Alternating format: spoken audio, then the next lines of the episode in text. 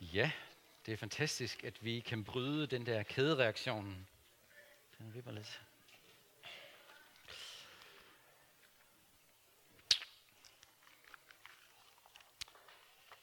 Jeg var sammen med nogle andre præster og ledere her i torsdags, og øhm, så talte vi lidt blandt andet om, hvad der sker i Danmark, og så var der en, der sagde, ja, altså det er en unge generation i dag, dem sådan under 30, 25, måske endnu længere nede, de ved ikke ret meget om kristendom længere.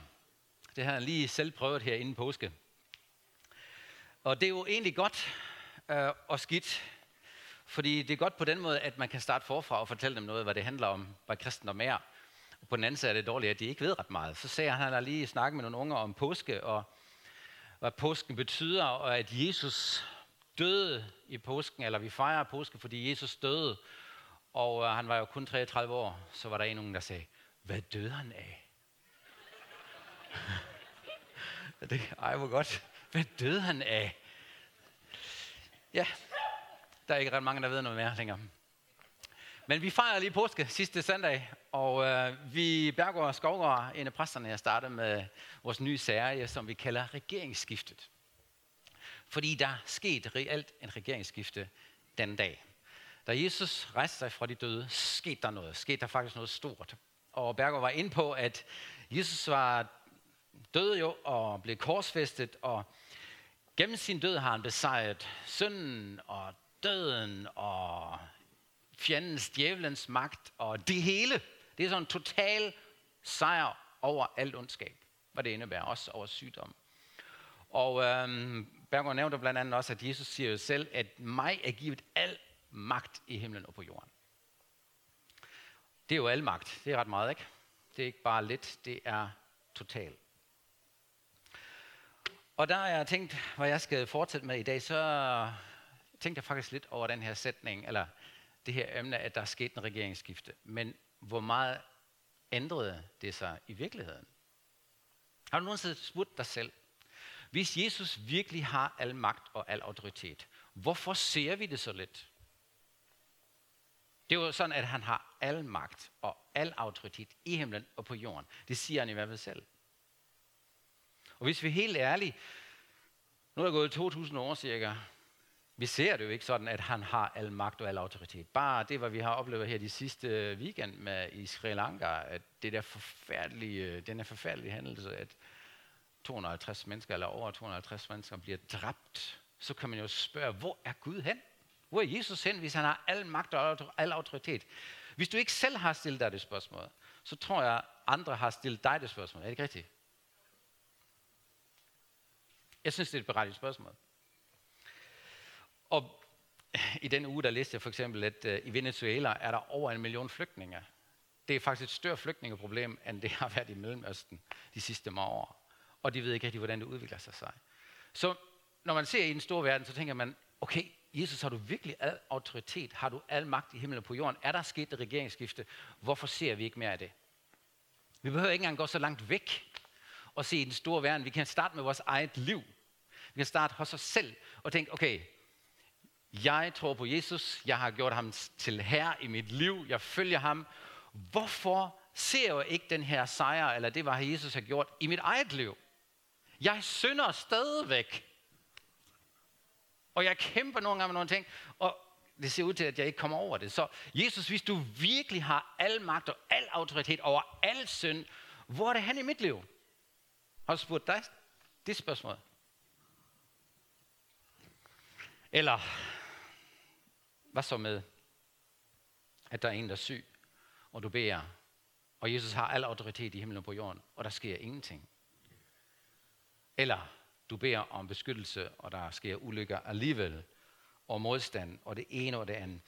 Der er jo faktisk kun to muligheder. Det ene er, er Bibelen sand? Er det, hvad Jesus siger? Er det, hvad Paulus siger? Er det sandt? sandt? Eller er det ikke sandt? Ja? Og hvis det er sandt, hvor ligger så det hele hen? Er det så os, der har skylden i alt det her, det ikke sker? Skal vi bede noget mere? Skal vi læse i Bibelen? Skal vi gå noget mere på vores knæ? Hvad skal vi gøre for, at den der virkelighed, som Bibelen beskriver, bliver virkeligheden i det virkelige liv? Det var et virkelig Meget, meget relevant spørgsmål, tror du ikke? Og øhm, jeg kunne godt tænke mig at komme lidt ind på det her, fordi jeg er overvist om, at hvis vi hele tiden lever med den frustration, at vi på den ene side siger, vi tror på det, hvad Bibelen siger, Jesus har al magt og al autoritet, men ikke kommer til at opleve det, så bliver vi hammerfrustreret. Og det er ikke godt at være frustreret. Jeg tror ikke, at Gud ønsker, at du og jeg er frustreret. Vi er nødt til at finde et svar mellem de to ting. Vi er nødt til at se vores egen virkelighed i øjnene, og vi er nødt til at se det i øjnene, hvad Jesus siger. Hvordan kan de ting forbindes, og hvad, hvordan får vi det til at opleve, hvad Jesus egentlig siger? Eller hvordan kommer vi til at opleve, at Jesus virkelig har al autoritet i himlen og på jorden? Kunne jeg godt tænke mig at kigge lidt på med jer i dag. For det handler jo om vores regeringsskifte, eller det skifte af regeringen, der er sket 2000 år siden. Et par uger siden, nej, for nylig her, et par dage siden, nej, halvanden uge siden, hørte jeg, ja, hørte jeg en podcast med Johnny Hansen. Og øh, ja, jeg var så nysgerrig, at jeg skulle høre den, fordi den ligger på Indre Missions hjemmeside, så jeg kan godt tale om det, fordi det er offentligt. De havde inviteret Johnny Hansen her fra kirken til en diskussion med Hans Ole Bækgaard, som er leder for Indre Mission. De har sådan nogle teologiske emner, de debatterer, og det synes jeg er virkelig flot. Så de havde sagt, vi skal have Johnny herud, fordi vi skal diskutere og debattere arvesønnen. Hvordan ser Johnny på arvesønnen? Og hvordan ser Hans Ole Bækgaard, intermissionsmanden på arvesønnen? I er nødt til at gå derind og, og høre den. Det er en virkelig spændende debat. Og da jeg lyttede til den, øh, jeg skal ikke komme ind på alle de der teologiske spidsfindigheder og ting, øh, øh, der bliver sagt. Men kort sagt, så sagde Olsen, formand, og det, jeg hænger ham ikke ud, det må jeg forstå ikke, fordi jeg har stor respekt for ham. Men han sagde jo, at arvelsen betyder, at hvert barn, der er født, er syndigt. Og hvis et barn ikke bliver døbt, så hvis det dør, så er det barn fortabt. Og Johnny siger, nej, jeg tror på arvesynd, men det har en anden betydning. Jeg tror, at Jesus har betalt alt synd, og vi skal kun blive dømt i vores relation til Jesus, om vi siger ja til ham eller nej. Og det vil sige, at Jesus siger flere gange, at børnene tilhører Gud, og Guds rige tilhører børnene. Så når et barn dør, så er det hos Jesus. Jeg håber, I lytter til den podcast en dag. Den er, den er virkelig god. Men øh, der er så lyttet til det, og debatten handler egentlig ikke så meget om, hvad der er rigtigt og forkert, fordi de behandler hinanden virkelig godt. Men da jeg lyttet til debatten, så tænkte jeg, hold da op. Det, det, bliver, det går op for mig en gang til. Hvor er det vigtigt, at jeg finder ud af, hvad jeg tror på?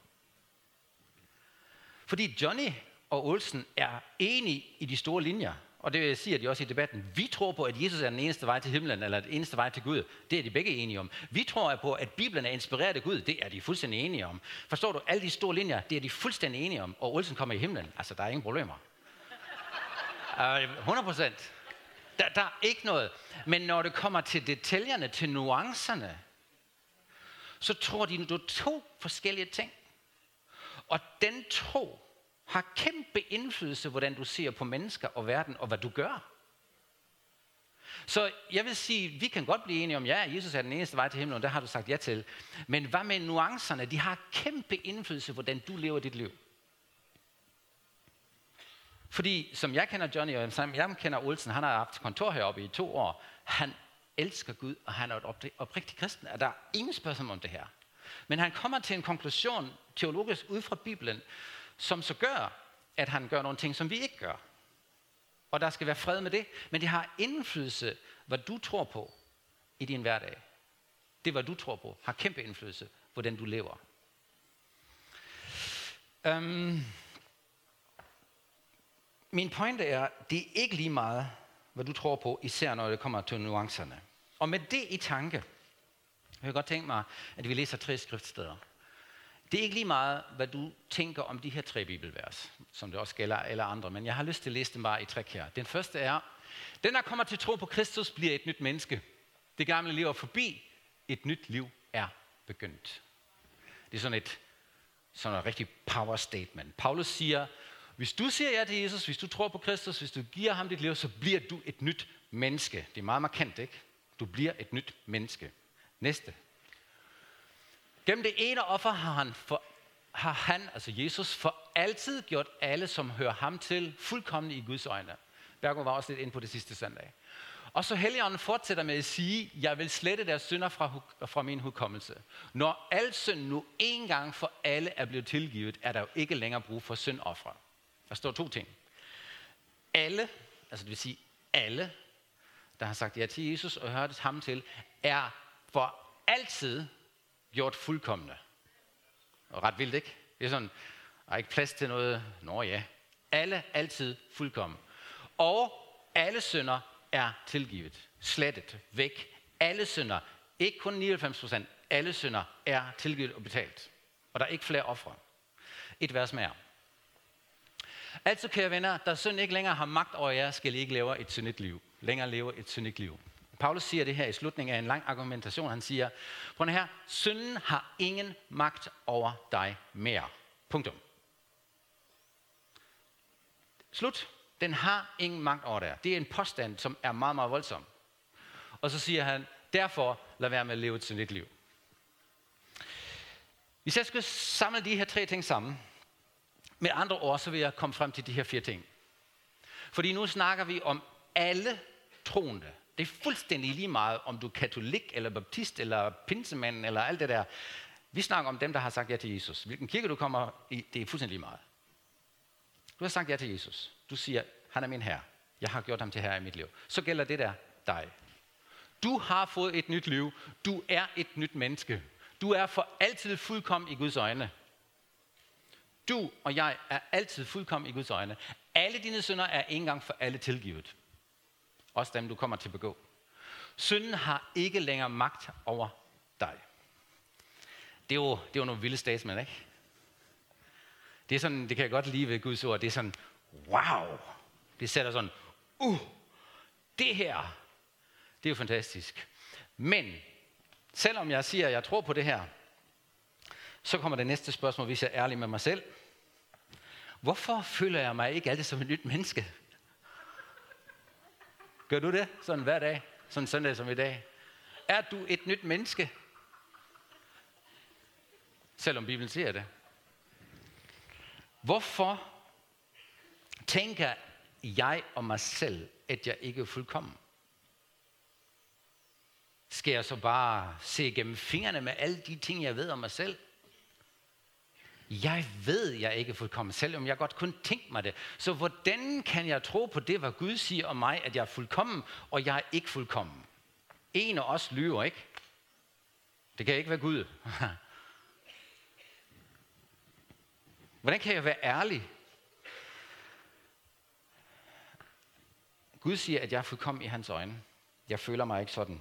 Ikke altid, når jeg lovsynger og tilbyder. Betyder det egentlig overhovedet noget for Gud? Tænk, hvad det, hvordan det ville være, hvis jeg hele tiden vidste, at jeg er fuldkommen i Guds øjne. Hver eneste bøn ville jo få en helt anden power. Men jeg går ofte til Gud og tænker, oh, det går ikke gået så godt, ikke? Jeg er ikke så fuldkommen, som du synes, jeg er. Er du naiv? Er du blind? Hvad er der? Hvordan er det til at forstå, når Gud er så markant? Hvorfor synder jeg stadigvæk, når jeg lige har læst, at synden har ingen magt over mig? Og hvis du i en, en rigtig god minut, når jeg har det rigtig godt, så siger, jeg vil aldrig mere synde. Altså, jeg ved godt, nogle gange er synden jo også sjov, ikke?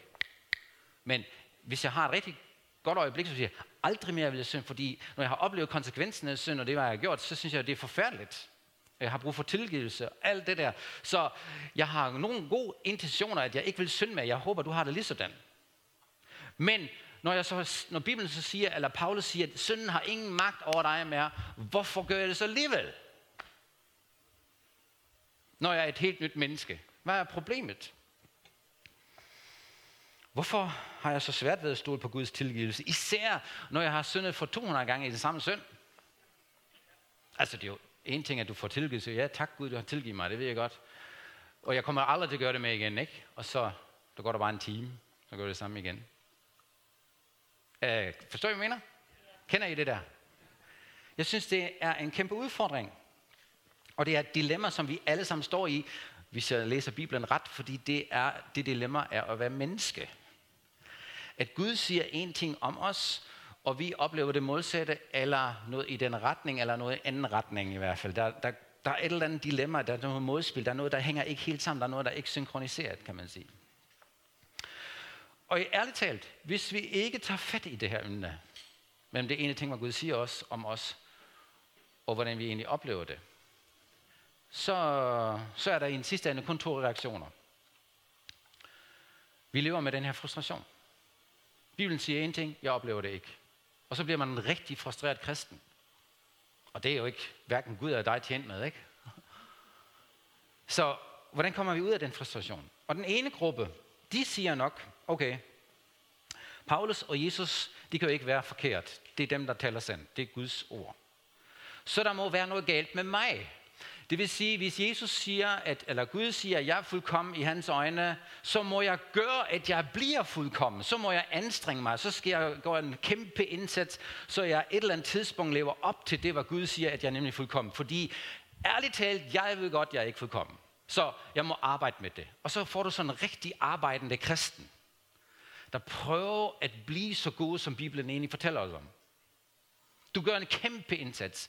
Og jeg tror, vi alle sammen har været lidt i den falde. Okay, det siger Bibelen, det er jeg ikke, så hvad skal jeg gøre for at komme derhen? Jeg skal bede noget mere, jeg skal arbejde noget mere, jeg skal tage mig sammen. Næste gang jeg ikke vil bagtale en person, så skal jeg simpelthen lukke min mund. Og det koger indeni, og det et eller andet tidspunkt, så eksploderer det alligevel, ikke? Alle de der forsøg om at komme ud af det der. Det er den ene gruppe, der reagerer på det her dilemma på den måde. Jeg må arbejde, jeg må blive sådan. Hvis det der det er sandt, det er jeg ikke, så jeg skal, ah, jeg skal anstrenge mig mere. Og igen, det bliver kæmpe frustrerende. Den anden gruppe, der reagerer på det her dilemma, dilemma, der findes sikkert flere, men det er måske også en stor gruppe, tror jeg. De tænker, okay, jeg er, jeg er et ærligt menneske. Jeg er et autentisk menneske. Og jeg kender mange, der har det lige sådan som mig. Vi når det aldrig så ved I hvad, det der var Jesus har sagt, at jeg er fuldkommen, og at Jesus siger, at synden har ingen magt over mig. Det gælder kun for en bestemt gruppe mennesker, det er i hvert fald ikke mig. Så vi kan lige så godt droppe det. Jeg når det aldrig, det der. Så der har nogen, der prøver at arbejde hele tiden at blive det, og nogen, de har fuldstændig opgivet at komme derhen. Og så lever man sådan et liv, men ja, ja, jeg tror på Gud, men det betyder ingenting for mig mere. Hvordan kan de to ting forenes? Hvad er egentlig Guds idé med det her? Er det virkelig sandt, det der? At jeg har fået et nyt liv, jeg er et nyt menneske. Er det virkelig sandt, at jeg er fuldkommen i Guds øjne? Og hvordan får det betydning i min hverdag? Når jeg beder, når jeg lever. Hvordan hænger de to ting sammen? Um, lad mig give dig et eksempel fra mit eget liv. Bare for at skære lidt ud i pap de sidste mange år har jeg ikke haft store problemer med at tro på, at Gud elsker mig.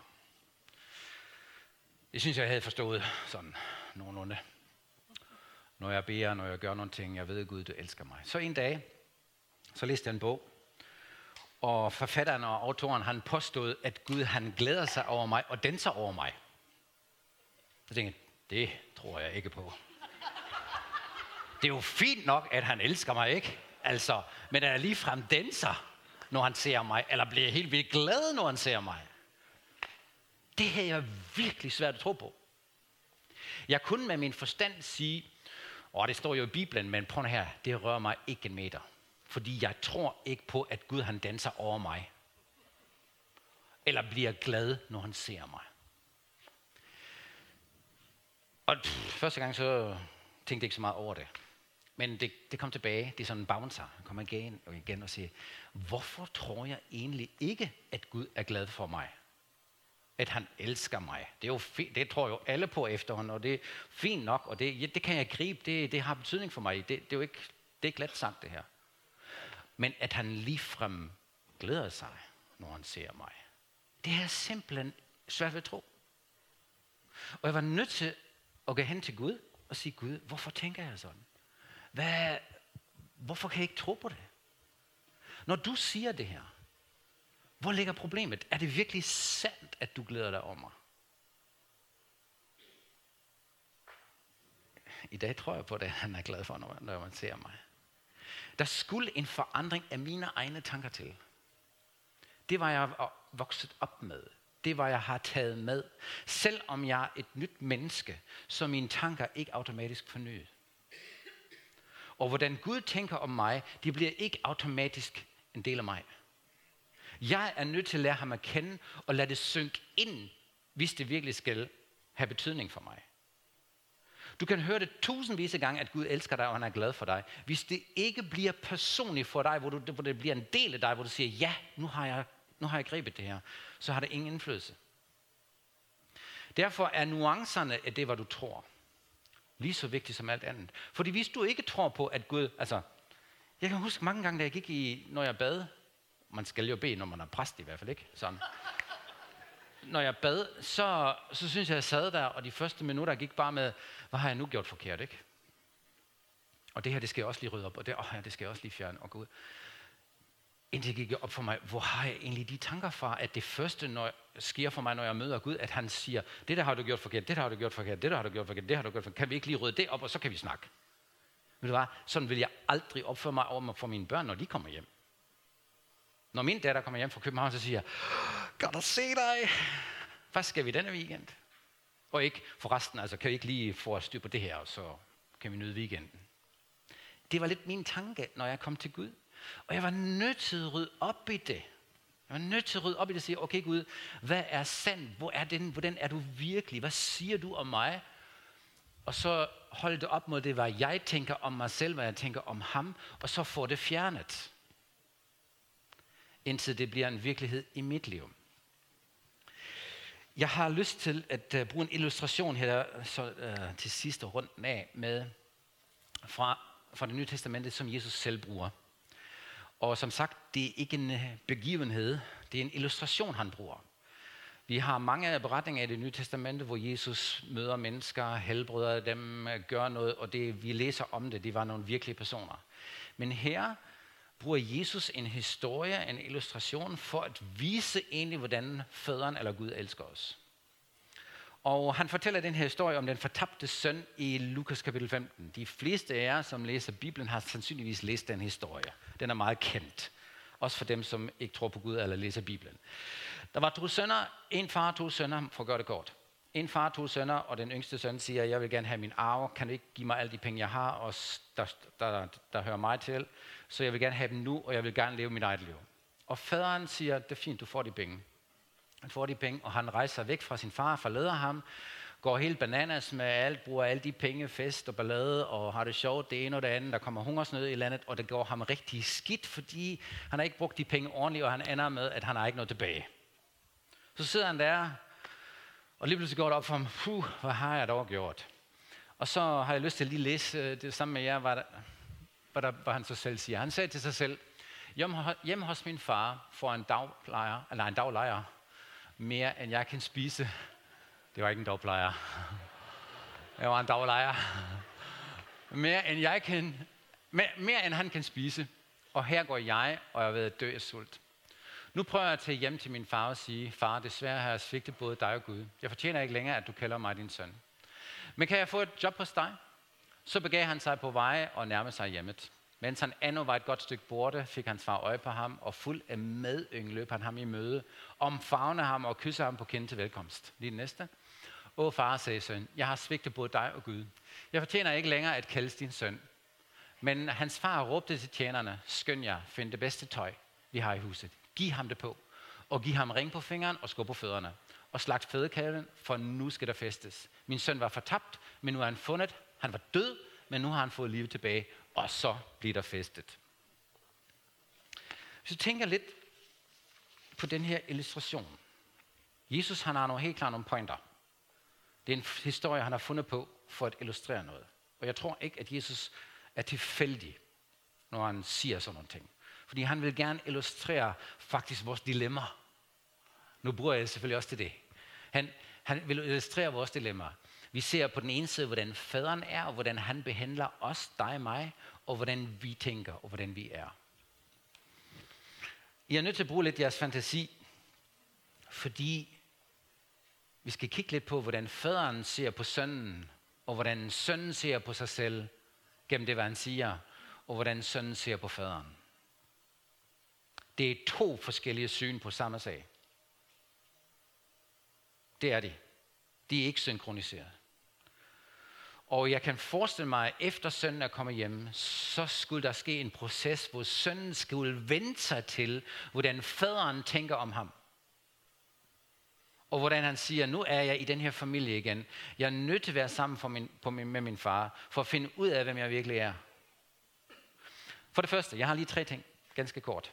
Sønnen ser sig selv som daglejer, som en slave. Faderen ser ham som søn. Han siger, jeg er ikke værdig. Og ved du hvad, mange kristne bliver stående der. Jeg har været en synder. Jeg er ikke værdig. Jeg du er ikke. Jeg har syndet. Åh, åh, åh, åh, åh. Det er så elendigt. Og jeg vil aldrig mere. Jeg fortjener det ikke. Og Gud, det er fint, at du er en god far, men jeg er en daglejer. Men det øjeblik, i det øjeblik, sønnen trådte ind i huset, hvad siger faren? Du er min søn. Det er jo noget af to ting, der står i modstrid til hinanden. Jeg er en daglejer, nej, du er min søn. Hvad er han i virkeligheden? Han er søn med en daglejers tankegang. Han er en søn, som faktisk, den dag han trådte ind i døren, så var alt, hvad faderen ejer, hans igen. Han fik tøj på, ring og det hele. Han bliver indsat som søn. Faren siger ikke engang, nu skal vi to sætte os sammen, okay? Vi to, vi skal simpelthen finde ud af alt det der, hvor, hvor, hvor der min penge af, og det ene og det andet, og det skal aldrig ske igen. Nu, nu sker det ikke igen, ikke? Han siger, Øj, hvor er det godt at se dig. Vi fester. Jeg tror, det er en chokoplevelse for os. Når vi føler os selv som daglejere, vi føler os så ringe det ene og det andet, og vi tænker så lidt om os selv, og det er jo det er også rigtigt, hvis Gud ikke var der, det var, det jo, var det virkelig ringe, ikke? Vi har jo ret. På en måde har vi jo ret. Men at faderen tager os ind og siger, hey søn, det er jo det, der skete den, du, den dag, du fik nyt liv, du bliver et nyt menneske. Men du tænker stadigvæk som den fortabte søn, det gør jeg rigtig ofte. Jeg tænker stadigvæk sådan, når ja, der er jo ikke sket ret meget. Jeg er bare kommet hjem, og jeg har taget min fortid med hjem til min far. Jeg opfører mig stadigvæk som en daglejer. Jeg ved ikke, hvor lang tid det gik, at han sidder der hver eneste dag, har skammet sig, og storebroren kommer også ind, han er en af de værre, og siger, øh, du, du fortjener slet ikke at være her. Hvis du læser historien videre. Men det, der det virkelig gælder, er jo det, hvad faderen siger, ikke? Når faren siger, du er min søn. Så fra det et, fra det sekund, du kommer ind. Så den der proces, hvor han går gennem tingene, og finder ud af, at jeg skal ikke skamme mig mere. Jeg behøver ikke hver eneste dag om morgen, far, jeg har ikke fortjent det her morgenmad, fordi jeg, jeg har brændt det hele af. Efter et halvt år, jeg er stadigvæk lidt skyldig. Hvad kan jeg gøre, Gud? Kan I, kan I se det? Tror I, at faren bliver glad over det? Faren siger, han siger det ikke engang. Han er bare den, han er. Og det er Gud også over for dig. En anden ting, jeg ser, at sønnen han angrer sine fejl om, og, og alle de ting, han har begået. Fordi han har jo ikke fortjent noget som helst. Men faren har allerede tilgivet ham alt, inden han kommer. Ikke et ord om det her. Bare at han kom tilbage. Det var nok. Og det er jo det der fantastiske mennesker, som ikke kender Jesus, de behøver ikke at omvende sig, eller bekende alle deres synder, de har begået i hele deres liv, og det har jeg gjort forkert, og det har jeg gjort forkert, og det har jeg gjort forkert, og det vil jeg også gerne lille. De skal omvende sig for en ting, at de ikke har gjort Jesus til deres herre. De skal gå tilbage til ham, og i det øjeblik, hvor de kommer, der er alt tilgivet. Og så kan det være, at du skal rydde op i nogle ting, i nogle relationer, i det ene og det andet. Det er vi helt enige om. Men den dag, du siger ja, så er allerede til, alt tilgivet. Fordi det, hvad Jesus har gjort, det er en gang for alle nok. Sønnen havde et andet syn på det her. Og jeg ved ikke, hvor lang tid det tog ham at gribe det. Sønnen ser sin egen ufuldkommenhed. Faderen ser søndens fuldkommenhed ved at sige, du får nyt tøj, ring på, og nu er der fest.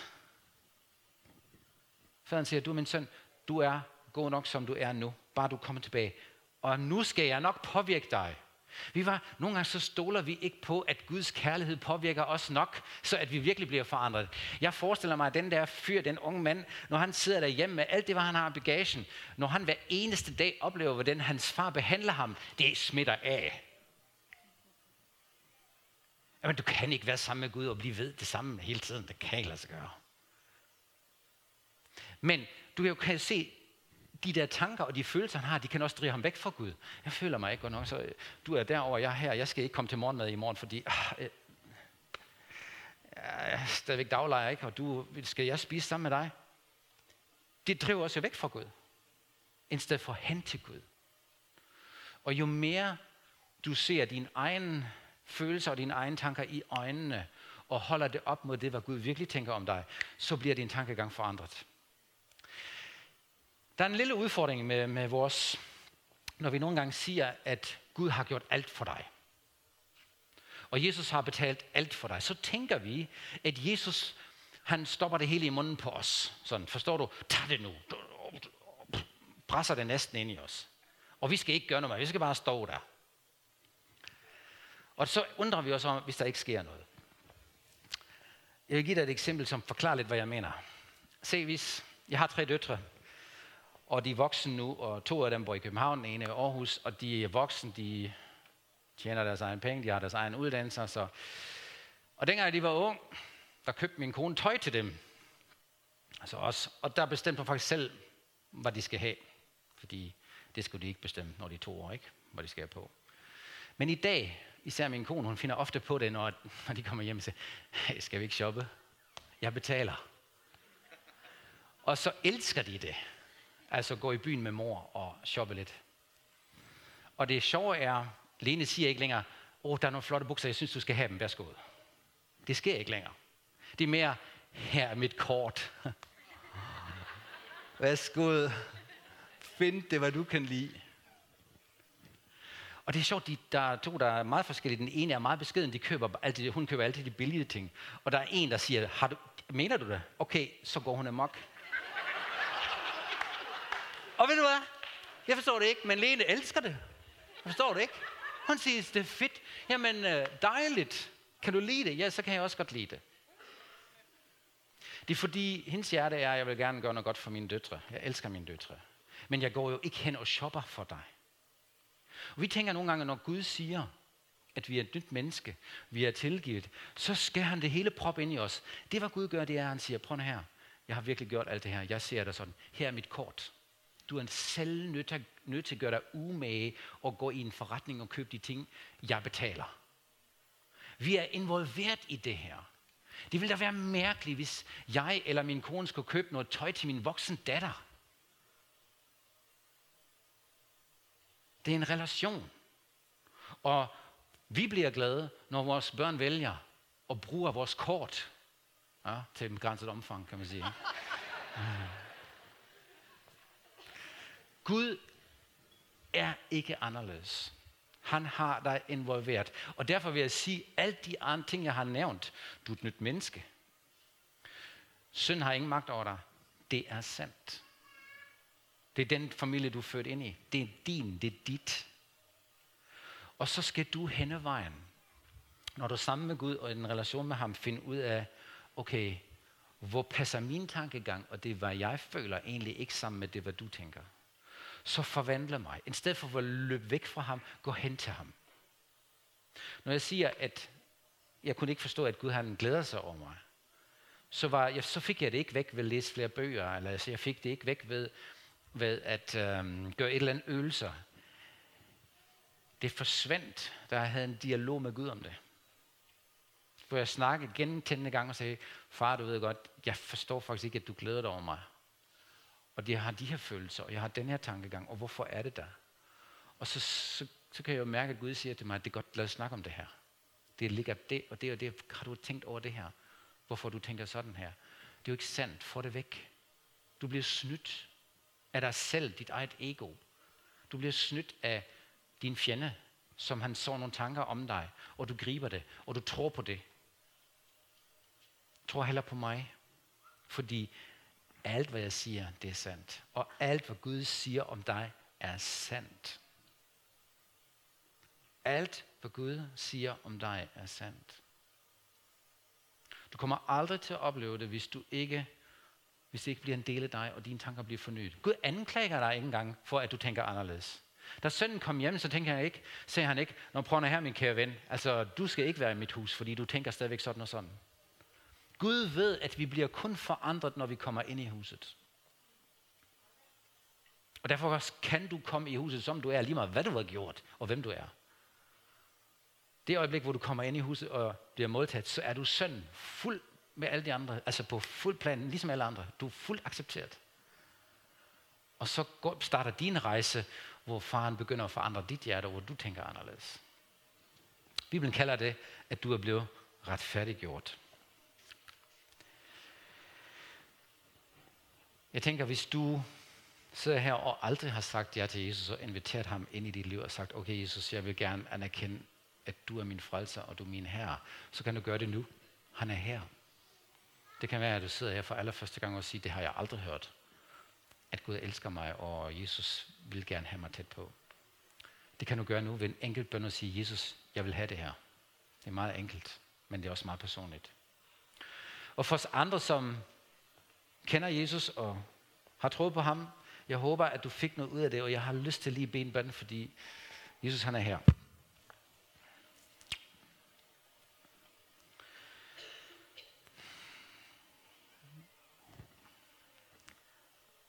Jesus, jeg takker dig, at, at det, hvad du har gjort på korset, det er så ægte, og det er så virkelig, og du har al autoritet i himlen på jorden. Men du, øh, du er så ydmyg, at du ikke presser det over os som mennesker, men du kalder på os, og kun hvis vi siger ja til det og inviterer dig ind, så bliver det vores. Jesus, tak at du stoler så meget på os, at du værdsætter os så højt, at vores beslutninger og vores tanker betyder noget for dig. At du ikke bare fjerner dem, men at vi er selv nødt til at fjerne dem. Du har givet os så meget autonomi. Vi er så fri til at beslutte. Tak for den frihed, du har givet os. Tak for det grundlag, du har skabt, at vi kan være en del af din familie. Og hjælp os alle sammen til at finde ud af, hvor vi tænker som daglejere, og ikke som sønner og døtre. Tak for din kærlighed til os. Og jeg beder dig om for os alle sammen, at vi bevæger det her og tænker over det og arbejder videre med det, så at det, hvad du har gjort, bliver virkelighed i vores liv. Tak for din godhed imod os. Amen. Amen. Hvis der er nogen af jer, der har brug for, at der er en, der beder med dig, eller du har brug for en samtale, så er der faktisk mulighed for det nu, øh, i det bæreste lokale. Du kan bare gå derud allerede nu.